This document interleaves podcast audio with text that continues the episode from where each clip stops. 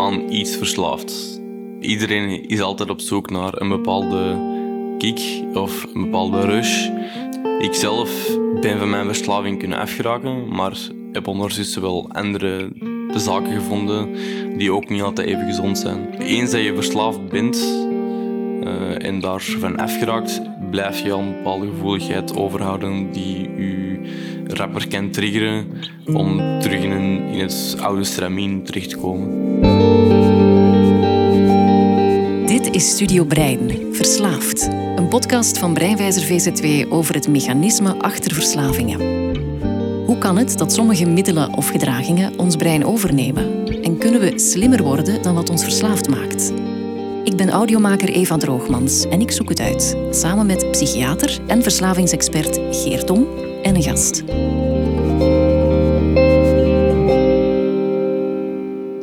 Soms ben je als mens je eigen grootste vijand of je grootste uitdager. Beseffen dat je verslaafd bent, dat is één zaak. Dat luidt op zeggen en vervolgens hulp zoeken, dat is nog wat anders. Kan je überhaupt ooit genezen van een verslaving? Of is het een kruis dat je je leven lang moet dragen? Dag Geert, dag Marian. Hallo. Hoi Eva.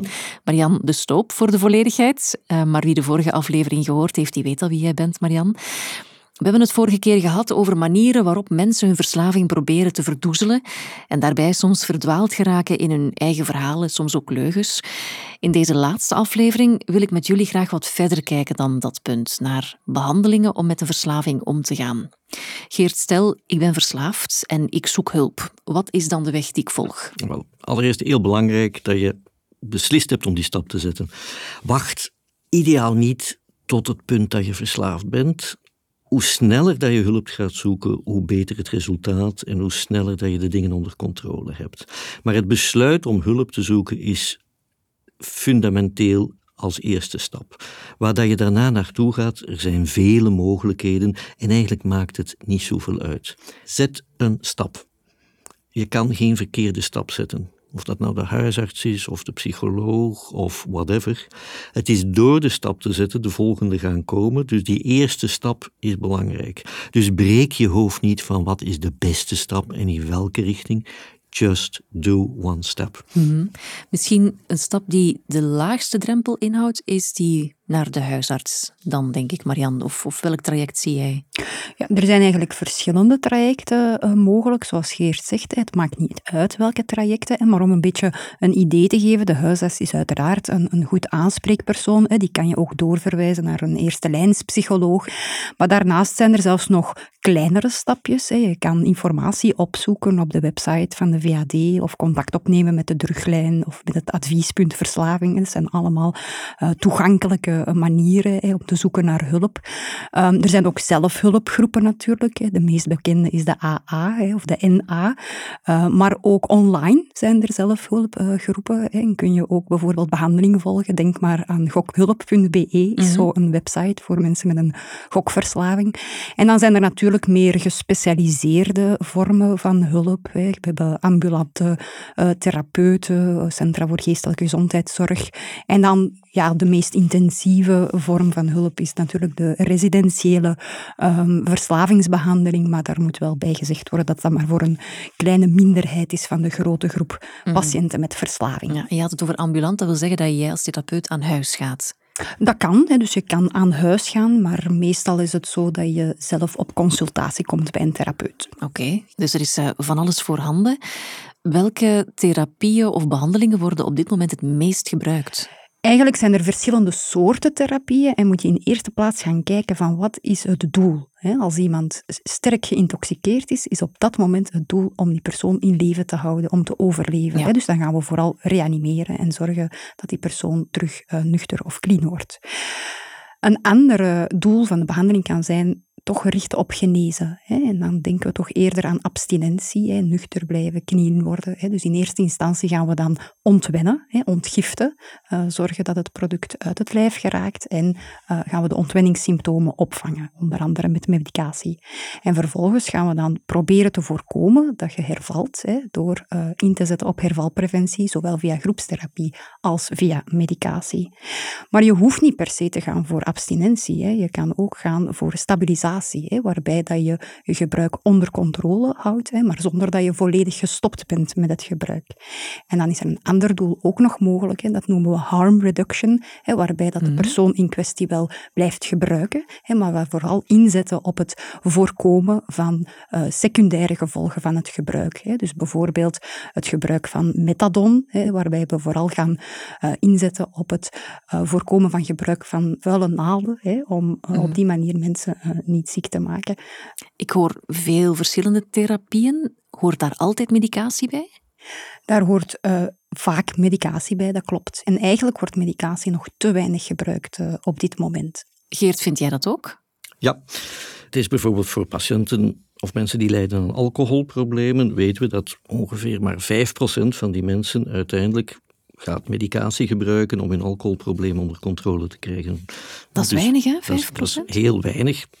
Er zijn natuurlijk ook weinig mensen met alcoholproblemen die de stap zetten naar behandeling. Dat mhm. speelt daarin mee. Maar medicatie wordt veel te weinig voorgeschreven en gebruikt. En dat is heel jammer, omdat we weten dat dit soort medicaties echt wel kan helpen.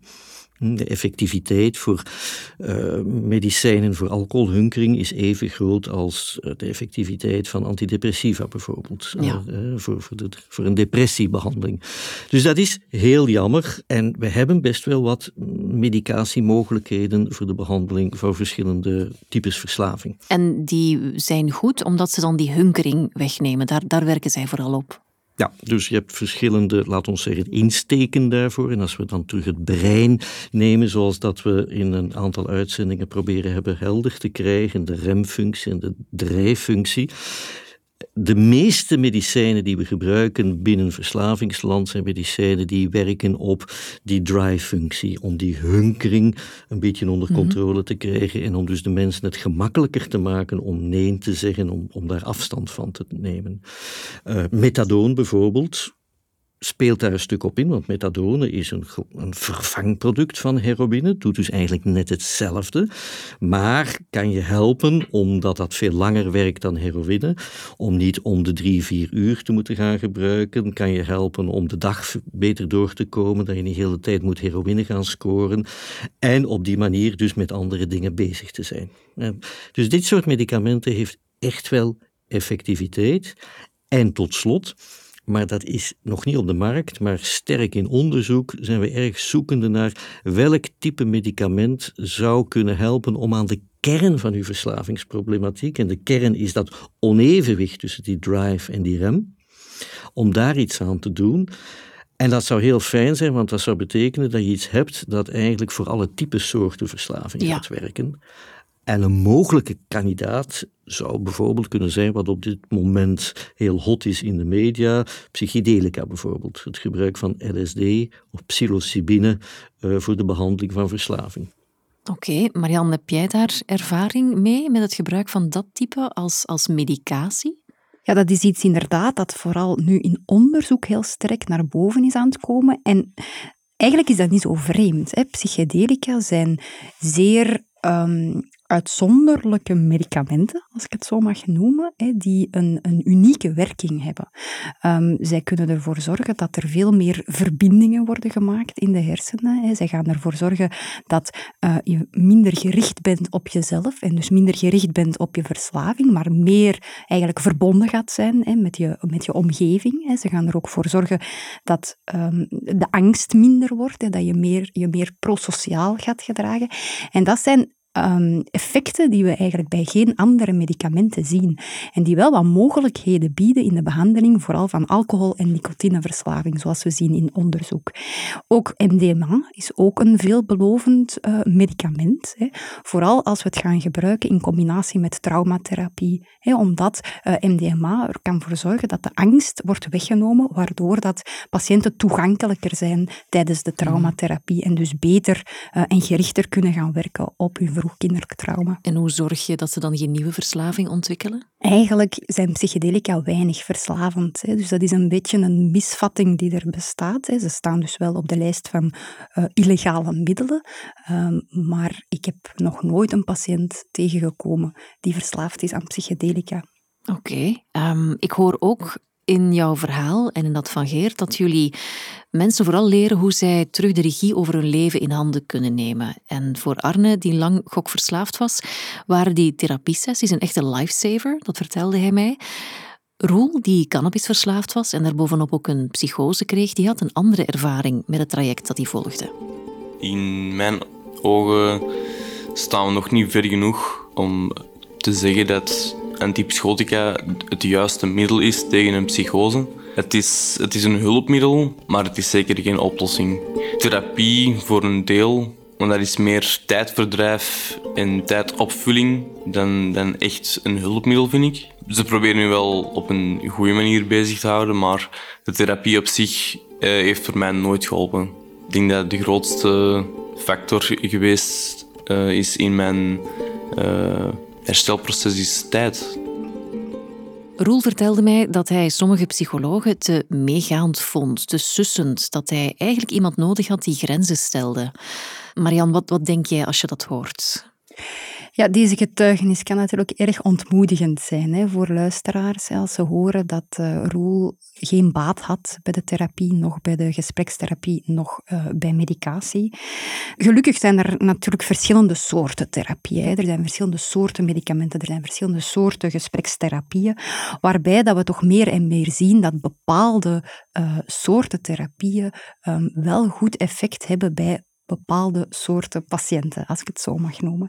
Um, we moeten natuurlijk nu vooral nog op groepsniveau zoveel mogelijk data verzamelen. Hè. En met het voorbeeldje van Roel bijvoorbeeld. Hè. Hij mhm. zegt dat antipsychotica voor hem niet werkzaam waren. Hè. Maar als we dan gaan kijken naar de data, en die zijn zeer uitgebreid. Hè. Er zijn bijna 30.000 patiënten onderzocht geweest in strenge onderzoeken naar de effectiviteit van antipsychotica. En dan zien we toch dat mensen die antipsychotica nemen, dat die uh, twee keer zoveel kans hebben om geen uh, psychotische symptomen meer te hebben, hè, tegenover patiënten die placebo nemen. Hè. Dus dat is toch wel een mooi effect, zeker vergelijkbaar met de effecten die we ook zien in de algemene geneeskunde bij de andere medicamenten. Um, dus we kunnen wel zeggen dat die medicamenten zeker wel werkzaam zijn, maar natuurlijk niet in 100% van de gevallen hmm. voor iedereen op elk moment. Dus dat klopt wel. Elke verslaafde is anders. Hè. Verslaving is een hele brede groep. Um, en dus dat verklaart ook hè, door die brede uh, groep dat sommige mensen wel baat hebben bij um, bepaalde behandelingen, mm anderen niet. Elk uh, verhaal is uniek. Hè? Ja. Dat brengt mij wel bij de volgende vraag, Geert. Hoe weet jij dan als zorgverlener wat werkt bij wie? Is dat voor jou dan ook een zoektocht? Ja, dat is een zoektocht en dat is een, een klinische uitdaging om uh, te bepalen en te zoeken en te kijken, werkt het, werkt het niet? En als het niet werkt, om tijdig bij te sturen, dat is heel belangrijk.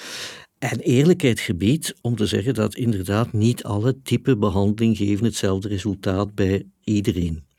En dat geldt zowel voor medicatie, maar ook voor gesprekstherapie bijvoorbeeld. Er zijn mensen die prima om kunnen met cognitieve gedragstherapie, die voldoende in, laat ons zeggen, dat beeld van prefrontale cortex, voldoende in planningsvaardigheden hebben om dat aan te scherpen en dan zo hun verslaving onder controle te houden, terwijl er anderen misschien veel meer gebaat zijn bij mindfulness. Mhm. Dus het is een zoeken naar wat men dan noemt binnen de psychiatrie een meer gepersonaliseerde aanpak. Ja, ik hoor dat er van alles voorhanden is qua medicatie, qua therapieën. Ik hoor tussen de regels ook wel dat het engagement van de patiënt in kwestie heel erg belangrijk is en dat de grootste inzet toch van die persoon moet komen.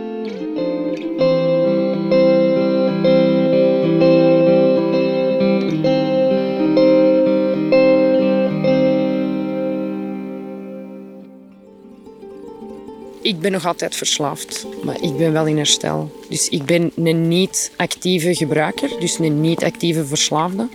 Maar ik heb de ziekteverslaving, dat is levenslang. En als ik dat niet onderhoud, val ik terug in oude patronen. Ik moet echt elke nacht bij de pinkje blijven en tegen mezelf zeggen: Ik ben Stefanie en ik ben verslaafd, maar ik, ben, ik zit in herstel. Ik schaam mij ook niet meer om te zeggen dat ik verslaafd ben. Want als ik dat niet accepteer, ja, dan staat er dood op mijn voorhoofd geschreven. Want mijn ziekte is gewoon dodelijk. En als ik daar niet dagdagelijks iets aan doe, dan verandert dat ook niet. Stefanie, die een cocaïneverslaving overwon, die weet dat ze waakzaam moet blijven, haar hele leven lang. Marian, kan je eigenlijk ooit genezen van een verslaving of is dat een utopie? Wel, wat Stefanie vertelt is heel herkenbaar. Hè. Wat we zien bij verslaving is dat het product de hersenen verandert. Hè. En dat daardoor iemand zelfs na langere tijd weer terug hevig kan gaan verlangen naar het product, wat dat kan leiden tot herval of terugval. Hè. Um, maar na verloop van tijd, enkele maanden tot jaar, zien we toch dat de ruime meerderheid van de mensen met verslaving wel degelijk kan genezen. Geert, heb je daar cijfers over? Ja, en ik, ik denk dat het belangrijk is om daar goed naar te kijken, want het is zowel in de media als ergens vaak ja, eens verslaafd, altijd verslaafd en eens verslaafd en dan ga je in de goot eindigen. Mm Goed om te weten, voor de meerderheid van de mensen is dat niet zo. Kan je daar een cijfer op plakken? Ja, om uh, bijvoorbeeld algemeen, en er is behoorlijk wat onderzoek naar in heel grote groepen van mensen die een verslavingsprobleem hebben, merken we dat ongeveer 80% van die mensen daar op een of andere manier een weg uitvinden. Vaak na verschillende jaren, dus er is echt wel vele jaren van ellende. Maar uiteindelijk vinden heel veel mensen hun weg daaruit.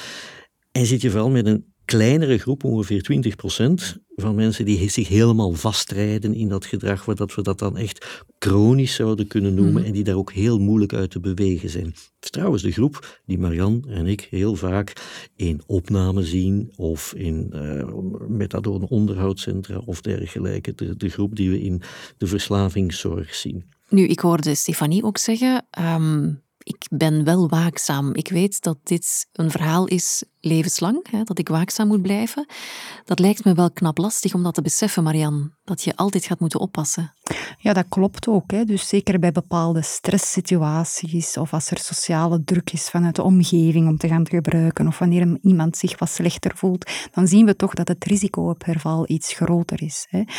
Maar verslaafden doorgaans leren wel om die risicosituaties te uh, herkennen en om daar dan mee om te gaan. Mm -hmm. En hervallen in oude gewoontes, gebeurt dat vaak, Geert? Hoeveel mensen hervallen in hun verslaving? Dan moeten we eerst even kijken van wat is de definitie van een herval. Opnieuw gaan gebruiken, denk ik, of is het niet zo simpel? Nee, het is iets complexer, denk ik. Hè, want tussen totaal in de oude gewoontes met relaties die kapot gaan, werk kapot gaan, door het gebruik, alles overheersend, versus af en toe is een weekend dat uitschuift en men zich terug herpakt. dat, is een, mhm. dat is een wereld van verschil. Dus als we bijvoorbeeld gaan kijken naar mensen die een alcoholprobleem hebben, en vandaag de dag weten we dat in België ongeveer 15% beantwoordt aan de criteria voor alcoholproblemen, en je gaat diezelfde 15% volgend jaar terug bevragen, dan ga je merken dat ongeveer 1 op 5 van die mensen nog beantwoordt aan die criteria. Dat wil zeggen, 4 op 5 doen het redelijk goed. ja. En beantwoorden niet meer aan de formele criteria. Wil dat zeggen dat die allemaal volledig gestopt zijn? Nee. Dat zijn mensen, een aantal zijn die er volledig gestopt zijn, een aantal die af en toe nog iets gebruiken, soms zelfs wel wat te veel. Maar waarbij het gebruik voldoende gezakt is en waar dat men zich terug kan meer focussen op andere dingen van het leven. Dus men herstelt daar een stukje uit. We hebben in deze podcastreeks Arne al een paar keer horen vertellen en ook hij kiest er elke dag bewust voor om niet toe te geven aan die hunkering als ik vooruitkijk naar de toekomst, dan weet ik, eh, ik ben nu vijf jaar uh, clean, gokvrij om het, om het zo te zeggen. Als ik morgen zou zeggen van ah, dat is verleden tijd, ik ga nog eens één keer proberen, dan weet ik ook dat het niet bij die één keer zal blijven en dat ik snel terug in een heel uh, negatieve spiraal terecht ga komen. Dat is niet waar ik terug naartoe wil. Ik weet dat ik een verslavingsprobleem heb en ik weet dat dat voor mezelf een, tot herstel eigenlijk een levenslang proces is voor mezelf en dat betekent dat ik elke dag uh, bewust moet zijn van uh, de risico's die er zijn voor mij. En elke dag heel bewust moet zijn van het feit dat ik uh, een kwetsbaarheid heb. en dat ik daardoor bepaalde dingen in mijn leven moet toepassen. Ik neem aan dat jullie af en toe oude bekenden terugzien. Begin je dan met evenveel moed van vooraf aan, Marian, aan de gesprekken, aan de behandelingen? Of vind je dat soms ook demotiverend? Nee, eigenlijk heb ik niet zoveel last van demotivatie. Um, ik vind het eigenlijk een uitdaging als ik uh, patiënten terugzie om op op zoek te gaan hè, naar welke veranderingen er toch hebben plaatsgevonden sinds het herval. Je ziet vaak dat um, dat, dat toch een leerproces is. Hè, dat ze dan zo'n herval misschien zelfs wel nodig hebben hè, om nieuwe risicosituaties te leren herkennen en hun hervalpreventieplan uh, aan te passen. Verslaving is, is een heel dodelijke ziekte, dus ik ben vooral opgelucht als ze terug in zorg komen, hè, want dan weet ik dat ze het leven er niet bij gelaten hebben.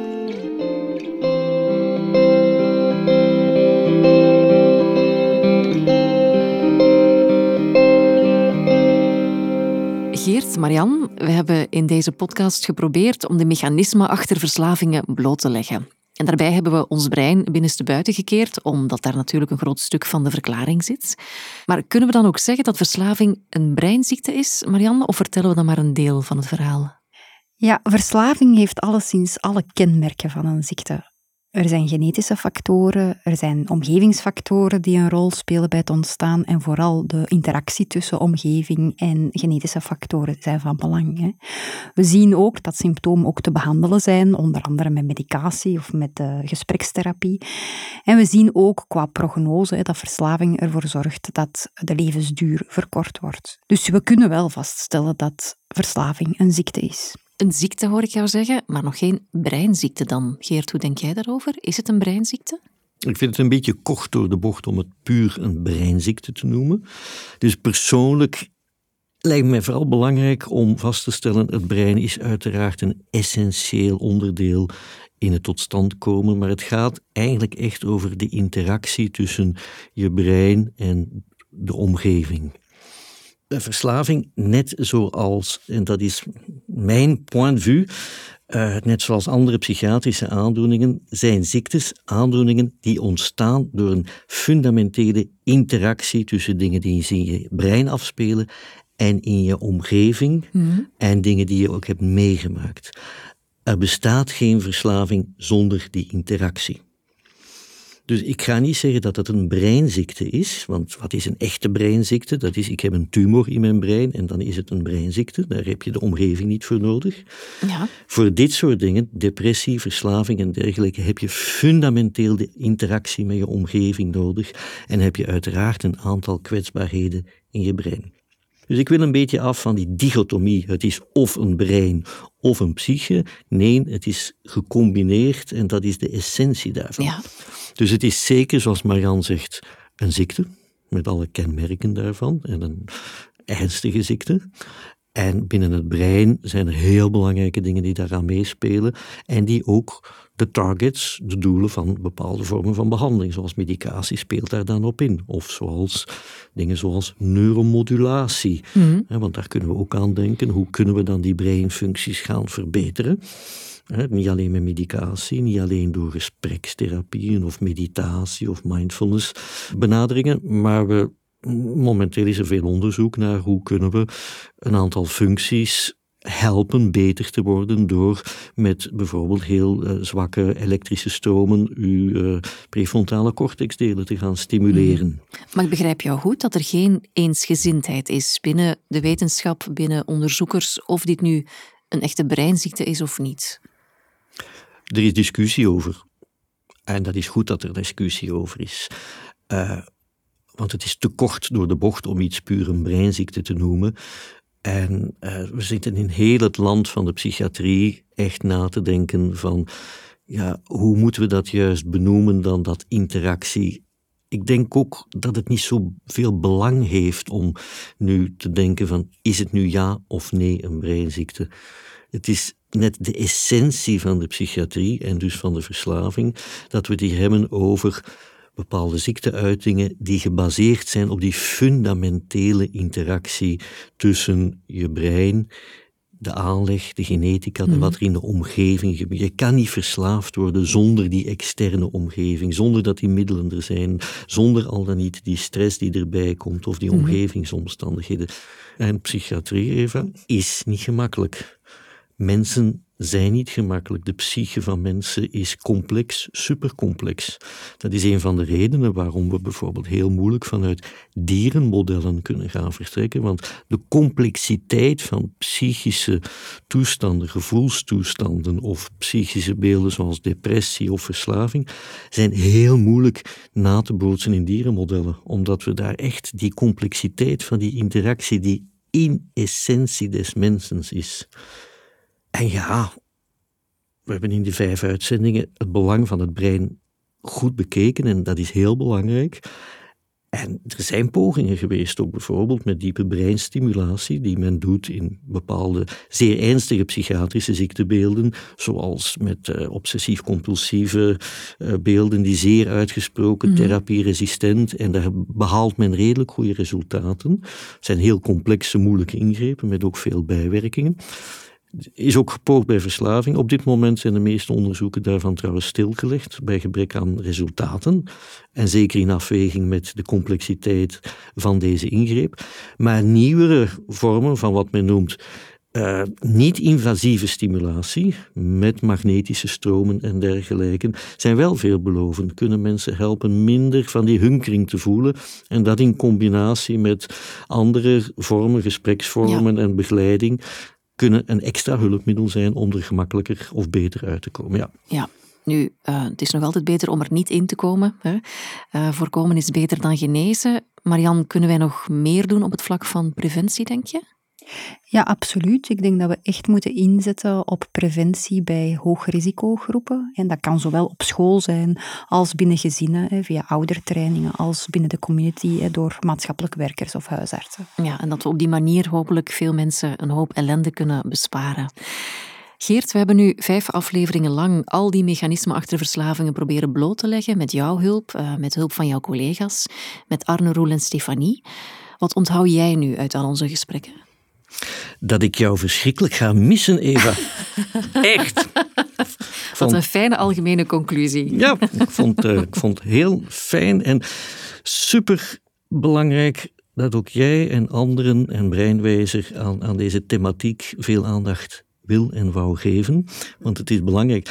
Wat onthoud ik van uh, de vijf reeksen? En ik zet daarnaast ook, want ik ben net tot de conclusie gekomen dat ik ongeveer 30 jaar elke dag fulltime patiënten met verslavingsproblemen behandel. Wat onthoud ik? Ik onthoud het belangrijke idee van. Het gaat hier over een zeer ernstige aandoening met een hoge mortaliteit, maar tegelijkertijd waar dat heel veel mensen goed uitkomen. En dat is heel belangrijk. Ik onthoud dat we echt daar niet beschaamd over moeten zijn, dat we moeten vechten tegen dat stigma en vooral moeten zorgen dat mensen vroeg en snel in behandeling moeten gaan. Ik onthoud heel belangrijk dat het hier gaat over een ziekte waarbij brein in samenspraak met omgeving echt de drijvende motor is en dat we dus ook via medicatie of andere vormen van behandeling daar iets aan kunnen doen, liefst zo vroeg mogelijk en opnieuw naar preventie kijken. Mhm. Dat onthoud ik uit deze reeks. Ik onthoud de moed van onze getuigen, van Stefanie, Roel, Arne, om die dingen hier uh, open en bloot, want dat is zeer belangrijk, denk ik. En ik onthoud vanuit mijn eigen ervaring, hou vol, hou steeds vol. Je hebt inderdaad mensen die daar heel lang mee blijven worstelen, maar het is heel belangrijk de hoop niet te verliezen en de next kleine stap te doen elke keer als ik een kaartje kreeg van een patiënt die dat ik behandeld heb als die 18, 17 was in diepe ellende en een familie overhoop en dergelijke. En ik kreeg zeven jaar, acht jaar na datum een kaartje van hé, hey, mijn eerste zoon is geboren en het gaat goed met mij. Dan denk ik elke keer, dit is de moeite waard om 30 jaar aan te besteden. Dat is een beetje sentimenteel om af te ronden, maar dat zijn de dingen die ik, die ik echt mee lijken mij heerlijke kaartjes om eh, te hm? krijgen. Geert, Marian, dank jullie wel oprecht voor het delen van al jullie inzichten en ervaring. Alle succes met wat nog komt. En ook een grote, grote dankjewel aan Arne Roel en Stefanie die hun verhaal wilden delen. Zowel de donkere momenten als de hoopvolle. En die ons lieten zien dat verandering mogelijk is. Ik ben mijzelf nog maar juist dan terug aan het leren kennen. Ik ben mijzelf terug aan het, uh, hoe reinvention. Weet je, van wie ben ik nu eigenlijk, wat doe ik graag? Ik kan zeggen dat ik volwassen ben geworden op dat punt. Als je dat moet vergelijken met vroeger, dan was ik altijd ja, een beschaamd, onzeker, angstig kind. En op mijn dertig is dat pas veranderd. Ik ben uh, misschien nog net iets gevoeliger geworden. Ehm, niet alleen voor middelengebruik, maar ook voor prikkels in het algemeen.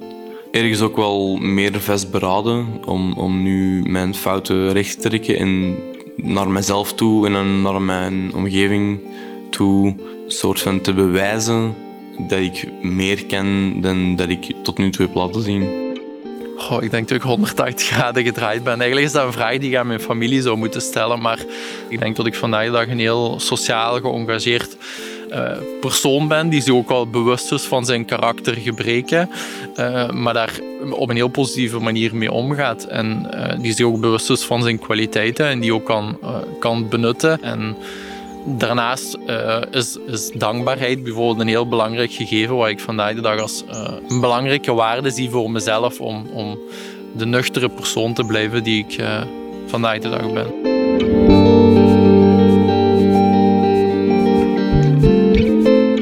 De vijfde aflevering van Studio Brein, Verslaafd, een podcast van Breinwijzer VZ2. In deze aflevering hoorde je mezelf, Eva Droogmans, Geer Dom, Marianne Stoop, Roel Arne en Stefanie. Heb je vragen of wil je reageren? Dan kan dat via info.breinwijzer.be. Wie meer info wil over preventie en behandeling van verslavingsproblemen, kan terecht bij het Vlaamse expertisecentrum alcohol en drugs via teruglijn.be. Studio Brein Verslaafd is een productie van Uitgesproken. Ik deed de redactie en de research, Benjamin Hertog deed de montage en Kiaran Verheijden schreef de muziek.